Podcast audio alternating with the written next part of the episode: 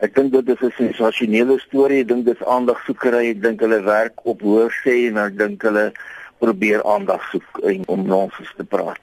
Hierdie is 'n drie gasheer bosluis. En die hy dra nie die bekende Lyme disease oor in Amerika nie, maar wat hierdie bosluis oordra is sy speeksel. As hy nou nie die organisme oordra nie, is sy speeksel geweldig toksies. As ek sê dit is 'n drie gasheer bosluis, dan beteken dit dat hy kan sy eerste bloedmaal op 'n rot of op 'n muis of een van daai ding, selfs 'n slang vat. Dan val hy af. Hy sit net 7 dae op 'n gasheer.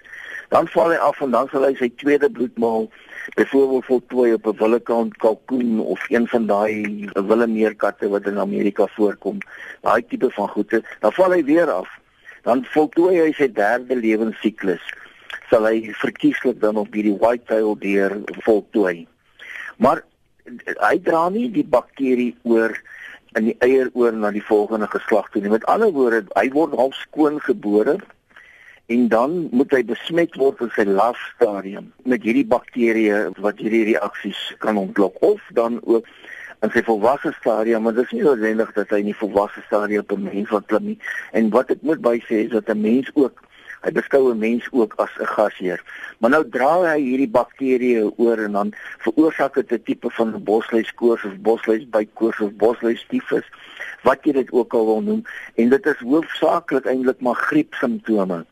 Met ander woorde die reaksie van hierdie bakterieë of die immuunreaksie, die immuunrespons van die liggaam teen hierdie goed is dat jy 'n tipe van 'n griepsimptoom kry. Nou wanneer presies tree hierdie sogenaamde vleisallergie dan in? Wanneer mense griepsimptome kry, dan kan jy hordes tipe van allergieë of siektes of iets kry.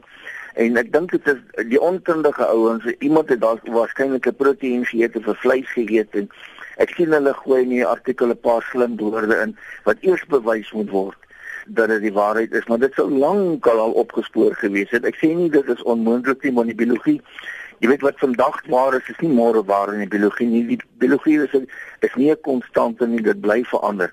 Maar dat mense dalk met die met die opbou van hierdie bakterieë wat watter een van die van die miljoene kan wees, dalk 'n allergiese reaksie kan hê teenoor proteïen of teenoor enige iets wat hy geëet het, melk of wat ook al.